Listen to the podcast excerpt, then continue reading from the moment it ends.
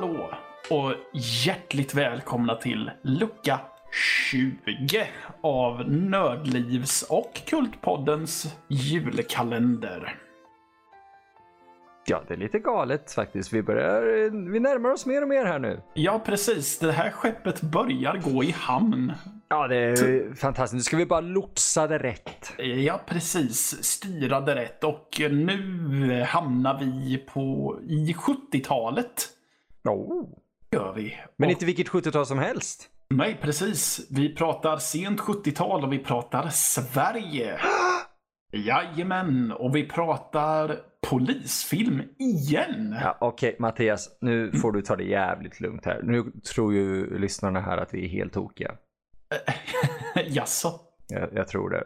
Ja, Men om jag säger att det här, är, det här är baserat på en Maj Sjövall och Per Wahlöö-bok. Ja, vänta nu, de som skrev Beck. Eh, ja, det här, Ah, ja. Är en, det här är en Beck-film. Kanske lyssnarna gör just nu. Ja, precis. För de tänker, men vad? Beck, 70-tal, vad fan har ni knarkat? Eh, ingenting. Vi ska prata om Mannen på taket. Kapow! Baserat Ja. på boken. Den vd, vedervärdige mannen från Säffle. Fantastisk titel. Av tidigare nämnda Sjövall och Valö. Och ja, som Emil så fint sa där, en fantastisk film. Nej, Eh. titel. Titel också. Nu har du spoilat vad vi tycker om filmen redan. Fan, jag har bara spoilat vad jag tycker om filmen. Ja, nu spoilar ju jag, det vet jag, sa vi. Eh, Precis. Ja. Eh, regi av Bo Widerberg. Eh, Den andra Bergman. Ja, jag skulle faktiskt vilja säga det. Han eh, sågs väl som Bergman för en ny eh, generation på, i mångt och mycket. Lite lustigt, tycker Ja. jag. Men Ja, det var han- så de refererade till honom. Ja, han själv såg sig som att han var fanbärare i ett korståg i att försöka få bort svensk film ifrån diskbänken. Och han ville visa, han tyckte att problemet med många andra svenska filmmakare som jag antar att han buntade in Bergman i var att han tyckte att de kan inte skriva film om människor. Mycket intressant. Ja, han ville väl ha lite mer naturlig, naturliga och realistiska människor. Mm. Och eh, jag kan väl personligen själv säga att när det kommer till svensk film så hör Bo Widerberg till bland det bättre man kan titta på. Utan tvekan, det finns inte ens en diskussion. Nej. Han hade en väldigt... Eh, vi kommer komma in på vad filmen handlar om, så ta det lugnt. Men han hade en väldigt spännande stil i sitt sätt att filma som inte var så vanligt i Sverige på den tiden. För han hade en bakgrund som eh, dokumentärfilmare. Eh, han var med i någon, jag kommer inte ihåg vad den gruppen kallades så, men de var kända för sina dokumentärer. De gjorde ju bland annat en dokumentär om någon tennismatch, tror jag det var, Ja, i Sverige. Mm. Ja. Eh, Så han filmar ju väldigt mycket handhållet och han är gärna väldigt nära skådespelarna och eh, vad som händer. Eh, men vi har då Mannen på taket som vi ska prata om. Den handlar om att en eh, poliskommissarie vid namn eh, Nyman blir mördad i sin sjuksäng på ett väldigt rött sätt. Oh, gud ja. Är, jag, jag vet att min mamma nämligen, hon har vägrat se filmen sedan hon såg den när den kom. För att eh, hon, hon blir så jävla illa berörd, eller hon blev så illa berörd av den här öppningen och hon, hon har mardrömsbilder av det här verkligen. Ja, ja, jag förstår det, för det är nästan hämtat ur en skräckfilm, just den sekvensen. Det, Ehm, ja, det är det faktiskt. Ja. Och eh, då har vi eh, eh, först och främst en polis som heter Einar Rönn som får eh, mot sin vilja egentligen, han har jobbat natt men ska börja jobba igen klockan åtta på morgonen. Han vill hem och sova men han tvingas att åka till det här mordet och så ringer han och väcker Martin Beck mitt i natten. Eh, ja, skådespelarna där är Håkan Särner som Einar Rönn och Carl Gustav Lindstedt som Martin Beck. Eh, sen får vi helt enkelt följ, vi får följa de här två herrarna och deras kollegor, bland annat Sven Wollter som Kollberg och Thomas Hellberg som Gunvald Larsson eh, från dess att de kommer till Nymans brottsplats till att gärningsmannen tas om hand förhoppningsvis. Mm.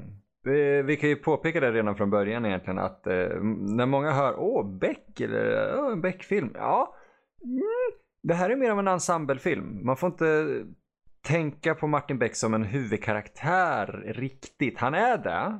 Ja, typ. typ. Han, han är huvudkaraktär i att han är den som leder utredningen. Exakt. Ja. Eh, men vi följer ju i princip Sven Volter och de mer nästan, eh, eller alla lika mycket. Det är ganska intressant balanserat. Ja, alltså det är ingen som egentligen tar överhand egentligen Nej. i att vara mer. Visst, vi följer Martin Beck mer, men som sagt, vi ser, vi...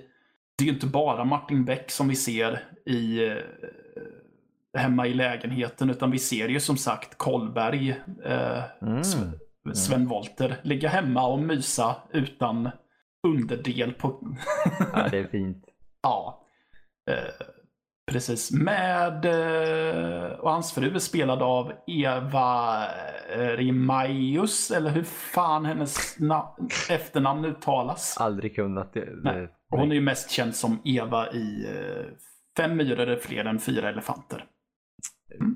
Vi, vi, hade ett kul olämpligt skämt innan om nakenhet och att Brasse Brännström springer in med sin så här, det är fel, det är fel, det är fel. Ja. Uh, vi gör inte det nu. Nej. Men Precis. ni ska veta det att vi har tänkt på det. Ja, men det finns nakenhet just där. Vi får i alla fall se Sven Wolters penis. Ja, det får vi faktiskt. I men all sin prakt. Ja, men jag gillar ändå att det är den typen av nakenhet. För det, det, är, det är ingen, det är naket. Ja, alltså det, det är just det. det. Det är ingen konstig nakenhet heller. Nej. Jag kan tänka mig att det var... Nej, precis. Alltså det är bara så den karaktären tycker om att sova. Ja, han är på sig, precis för han har på sig en, en, en långärmad tröja har han och sen har han inga kalsonger. Uh, och även alltså, hans fru Eva där, hon, hon är inte heller helt påklädd under täcket. Alltså det är väldigt jag gillar det. det, det jag tycker ja. det, så nakenhet bör behandlas i film mer än vad vi gör idag och har gjort de senaste, jag vet inte hur många åren. Mm, men precis. Och uh, Uh, här har vi också vad vi kommer in i. Att det är väl det som också skiljer den här filmen från många andra Beck-filmer är att uh, i de andra så är det ju väldigt mycket fokus på karaktärerna och att de är i fokus, just Gunvald Larsson och Martin Beck. Här är det utredningen som har huvudfokus mer eller mindre hela tiden. Oh, ja. Och um, vi får se vi får se de här karaktärerna som just yrkesmän. Vi får se dem som faktiska poliser. Och det är inte så mycket emotionellt emotionsvärde gentemot varandra annat än att de är kollegor. Så. Ja, alltså exakt. Fokuset går inte så mycket in på det personliga så mycket som det är, ah fuck nu har, jag ska inte spoila någonting liksom. Ah nu har han råkat i trubbel, ah vad ska vi göra? Ah vi får nog skita i honom. Nej, jag, jag, jag, jag går och kollar. Ja, precis. Eller eh, det är någon som är skjuten och det ja men du, du får gå och försöka få ner honom så går vi och tar hand om det där andra så länge. Exakt. Ja, och det, det är uppfriskande på ett sätt tycker jag. Mm. Um, uh, jag gillar även, jag är även förtjust i dialogen i den här filmen. Ja, den är väldigt bra. Ja, just för att det känns som att det är så här folk pratar. Ja, det, på det många sätt. Ja, det känns naturligt. Ja, vi pratar som de här karaktärerna gör. Vi, okay, självklart finns det information som måste fram och det blir lite exposition på ett sätt. Ja. Men när de pratar om vissa karaktärer, ja du kände honom. Nej för fan, inte mer än vad jag känner dig. Ja, ja. precis. Liksom, det, det, det, är väldigt mycket slentrian och slang. På ett väldigt precis. naturligt vis. Ja, eller typ, ja men den här karaktären ringde, ringde den här karaktären för att få information. Ja, det kan ha varit för att han ville lämna en blomma. Ja, men ja, den, de grejerna är så bra. Han ja. kanske ville lämna en blomma. Ja. Och så, så titt, alltså det, det, finns en kul koppling där. Det finns ett skämt där som jag, jag, tycker ni behöver se filmen som. Ja, precis. För det, man, Um, man lider ju lite på ett sätt med Martin Beck och Einar Rönn, för de, framförallt Einar Rönn, för de, de nattsuddar ju fullständigt. Ja, men Einar har ju så fantastisk alltså, karaktärsutveckling utan att man behöver säga särskilt mycket alls egentligen. För att han, det är ju som du säger, först kanske han, man tar det som att han är motvillig. Jag tyckte, eller när jag när jag såg den nu igen, det är ju så många år sedan jag såg den sist. Uh -huh. Så bara, ah nej, fuck stackars Sato behöver åka iväg och behöva jobba igen. Och han uh -huh. suckar ju lite och drar iväg. Men under filmen lär man sig också att han vill inte åka hem. Nej. Han Vilket är så få... snyggt! Ja, han vill få ett avslut på det hela. Nej, nej, nej, nej. Mm. Han vill bara inte åka hem. Nej. Han har sin jävla fru där hemma. Ja, just det. Så det är det, ja. All, alla de vill ju liksom avsluta fallet. Men att han aldrig åker hem, trots att han så sitter och du vet, som du berättade, eller sa själv där, att han somnar ju mitt under en typ intervju. Ja. Och så, eh, Rönn, kaffe. Han så ställer sig upp bara klarvaken eller så här, ja. yrvaken och går iväg utan att säga ett ord. Ja. Men de säger att han har frun hemma eller? Exakt. Ja. Det är karaktärer som pratar om det men aldrig han själv. Och det är en mm. snygg utveckling utan att du vet min fru och jag vi grälar. Så det istället, ja. uh, han vill bara inte hem till, alltså de har det jobbigt nu. Och det är typ så. Ja, jag tycker det, det missade jag till och med. Åh oh, fan, mm. ja, men det, det är just det, de lägger inte fokus på det. Nej. Men det finns en anledning till att han är på fallet hela tiden. Mm. Och det är snyggt. Ja, sen så är det ju mycket det var en scen som jag tänkte att det finns det ens på världskartan att man skulle göra på det här sättet. För det är när Martin Beck ska prata med en polis i polishuset som har eh, eh ett häkte. De har typ fylleceller och grejer. Mm. Och under tiden Martin Beck pratar med den här kommissarien så går de in där alla häktesceller är. Och det är ett sånt jävla liv på alla som sitter häktade och poliser som försöker dela med. Och så ska vi samtidigt... Och så har vi dessutom dialogen vi försöker följa. Ja, för jävla skön den scenen. Ja, ja, alltså det går att hänga med i dialogen. Bara det att man får fokusera lite. Men jag tänkte att alltså det är ju... Det ger ju väldigt mycket, en väldigt mycket autentisk känsla. Men skulle man göra på det sättet idag? Ah, idag vet jag fan alltså. Men jag, jag, tycker ändå att det fångar det politiska klimatet som var i, i Sverige under 70-talet via ja. en väldigt enkel scen. Ja, det, tänker du på snubben som var har suttit häktad i sex timmar eller ja, något men, sånt där. Ja, ja, alltså hela det här. Ah, han har varit med i något demonstrationståg. Han tycker det är förargligt. Ja, ja, ja, absolut. Du tycker det är förargligt att ha suttit inne i sex timmar medan folk som demonstrerar på andra ställen blir skjutna i ansiktet. Oj, vad jobbigt att ha det.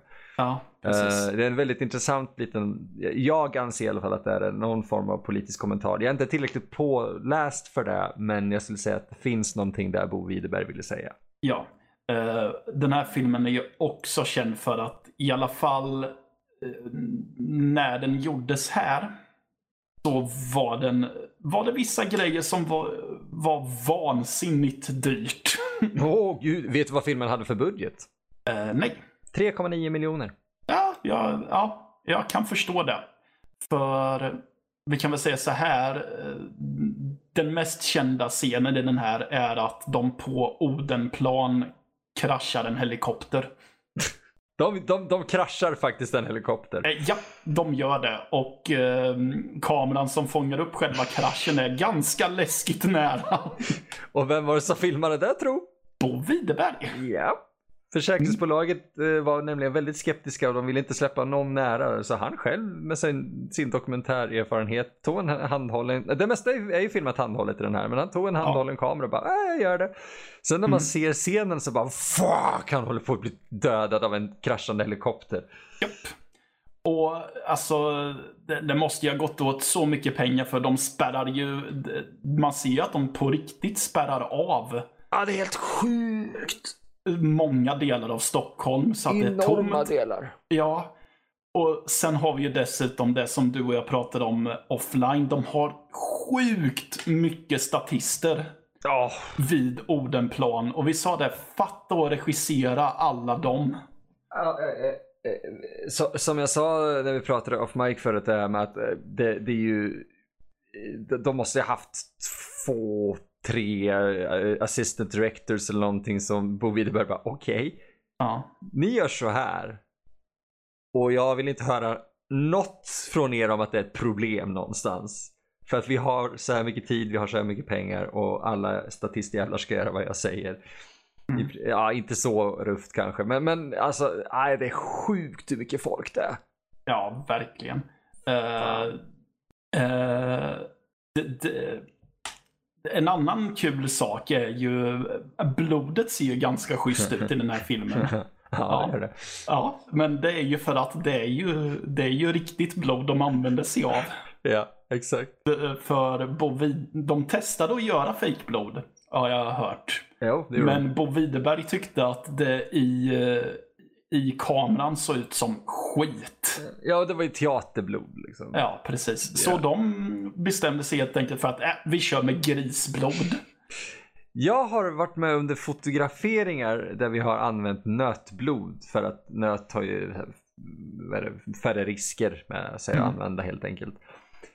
Det stank järn över allas kläder. Liksom. Var, vi hade inte mycket kläder på oss under den fotograferingen men de kläder som blev täckta i blod stank fan.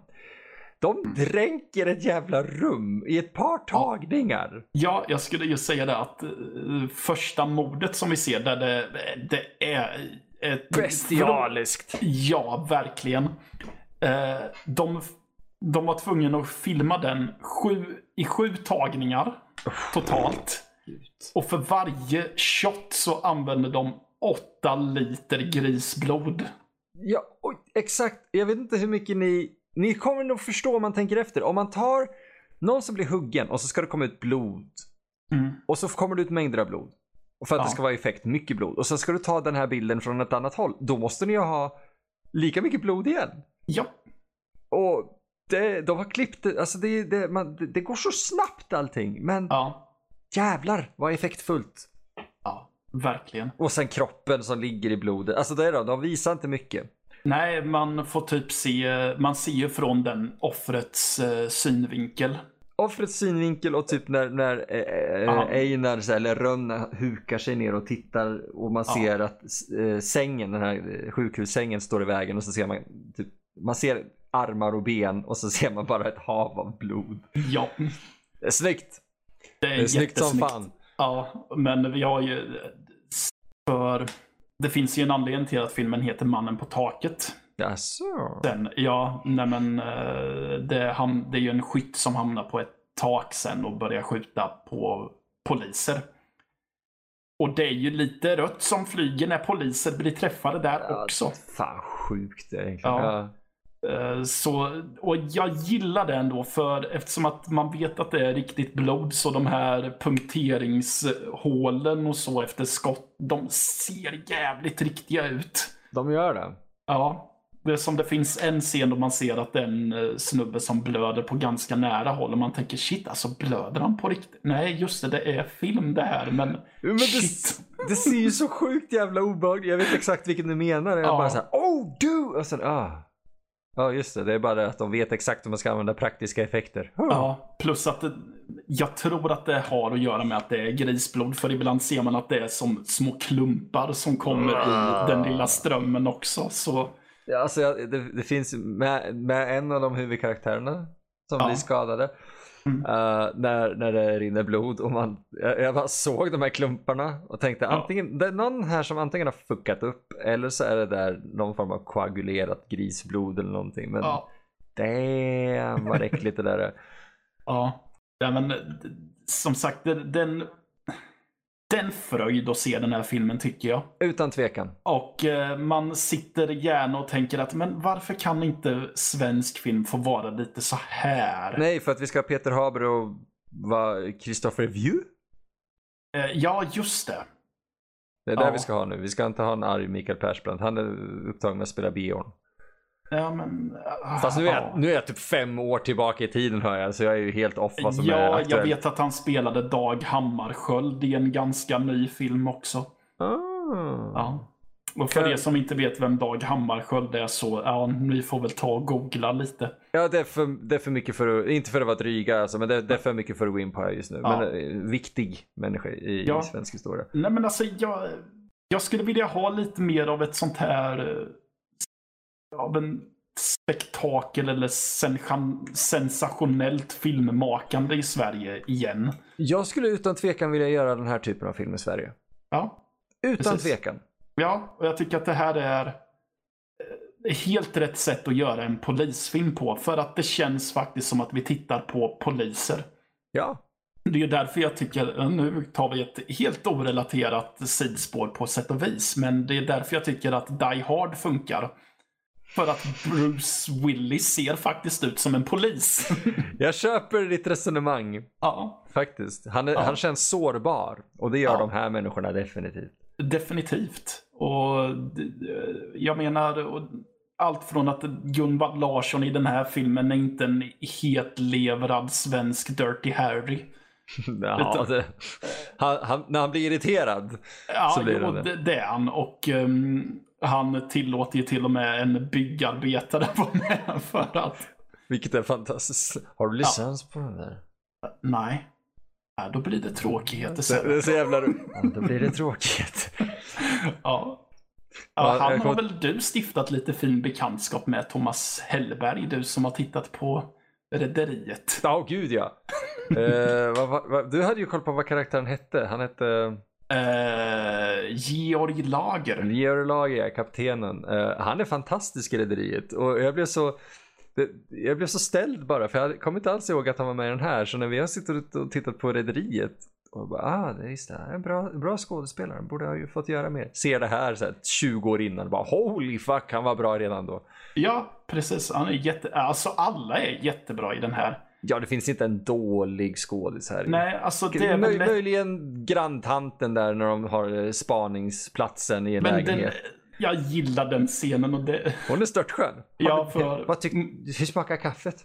Jag har faktiskt inte smakat kaffet för det börjar hända saker här. Det har Ja, jag ja, gjort. Ja. ja, ja, jag tyckte det smakade riktigt gott. Så jävla bra. Hon är fan, undrar om det var Bo Widerberg som bara, säg det här nu. Eller om det var bara, säg saker som känns naturligt. ja. För att Jag ser nu att men- eh, den vann Guldbaggar, den här filmen. Mm, Va? Ja. Det hade jag ingen aning om. Nej, inte jag heller. Den vann för bästa film. Helt rätt. Och eh, de vann för bästa manliga huvudroll i form av Håkan Särn. Nej, du. Det var för en annan film som Håkan Särner vann. Okej. Nämligen en film som heter Bang! Åh helvete, det där kändes i öronen på mig. ja, okej. Bang. Ja, inte Ja. sett. Det inte jag heller. Men det är Eh, rätt fascinerande. Alltså, det, vi hade ju en tidigare Beck-filmatisering av, eh, vad heter den, Rosanna, Rosiana. Ja, Eh. med Keve Hjelm som... Keve, denna fantastiska Ja. Där har vi för övrigt en Bo Widerberg-koppling. För han spelar ju pappan i Kvarteret Korpen. Ja, ja, som också är så jävla bra. Ja. Eh, Men, men för er som har sett Beck-filmerna, eller äh, så här. För er som har sett Peter Haber Beck-filmerna. Det finns fler Beck-filmer. Det finns alltså med Gösta Ekman och det finns eh, de här tidigare. Ja. Se, se de här. Det finns dessutom en, eh, jag tror det är en amerikansk eller brit, nej, en brittisk filmatisering av eh, Den skrattande polisen med Walter Matthau oh. som eh, Martin, Martin Beck, men då är han omdöpt till Jake Martin. Ja, det funkar väl. Ja, det tycker jag. Så Jag vet- det finns mycket mer Beck än bara Peter Haber och Mikael Persbrandt. Ja, utan tvekan. Det finns till och med en, eh, vilket är väldigt fantastiskt, för det var ju, eh, vad heter de? Val eh, och, ja fuck it. Författarna helt enkelt. De, eh, jag kommer aldrig ihåg vad de heter. Skrev ju under en tioårsperiod. Eh, hur många böcker var det? Typ sex, sju stycken någonting. Ja, något sånt. Eh, som var just inom Beck-universumet. Kan vi säga. Eller Stockholmspolisen-universumet. Med den här ensemblen av karaktärer där allt det här tog plats. Mm. Och de, det, det, det är så fascinerande. Det skrevs bara under 10 år. Mellan 65 där och 75 någonstans. 9 år kanske det var till och med. Och det har blivit en sån ikonisk grej i Sverige. Men deras originalböcker finns faktiskt, eller ja, nyutgivningar av de böckerna finns att köpa väldigt billigt eh, idag. Vilket jag definitivt tycker ni ska göra. För jag har läst Mannen på taket då i den riktiga titeln som heter Den vedervärdige mannen från Säffle. Fantastisk bok. Och de gjordes även, just för att prata om andra typer av eh, versioner och tolkningar av Beck så gjordes det rätt nyligen en eh, radioteater på BBC, eller av BBC rättare sagt, eh, där de tog eh, ja, helt enkelt engelska översättningar och dramatiserade dem för radio. Av jag Beck alltså? Av Beck, av de här original Beck-historierna. Ja. Och jag, då heter ju inte den vedervärdige mannen från Säffle, då heter den bara The Abominable Man. Eh, som jag definitivt eh, rekommenderar. Jag har bara hört så här spots och sådär. Men jag tycker det låter som en väldigt intressant grej att lyssna på om man är intresserad av Beck. Ja, definitivt. Och för er som är Beck-skeptiker så kan jag säga, mm, titta på den här. Ja, utan tvekan. Tycker Ja. ni inte om Beck med Haber? Okej, sure, fine. Jag är med er till viss mån. Se det här. Ja. Det här är genuint bra film. Ja, ja, alltså det här är en fröjd för filmälskare. Det ska Ja. det vara. Eh, I alla fall. Den... det, det, den, jag gillar inte att använda det, men det här är en objektivt bra gjord film. Ja. Alltså den är objektivt bra. Självklart kan man ha subjektiva preferenser, men det här är faktiskt en bra film. Jag tycker det. Så eh, då är det väl nästan lite överflödigt nu när vi rundar av som jag tänker att vi ska göra. Då är det Ja. väl nästan lite överflödigt att fråga Emil, rekommenderar du Mannen Verkligen på taket? inte. Nej. Fruktansvärd julfilm. Ja, jo, det är väl inte en så julig film eftersom att den spel utspelar sig i mars. Hade den bara utspelat sig på julen och folk hade ha halkat på taket hade jag varit mer positivt inriktad. Ja. Eh, vi- jo, ja, självklart. Jag tycker definitivt ni ska se den. Eh, och köp uh, kaffe till den här. Drick kaffe till den här, för stackars Rönn hade behövt det. Ja, ja, jag skriver under på det. Det här är en kaffefilm. Oh, Och det är en solid rekommendation. utan tvekan.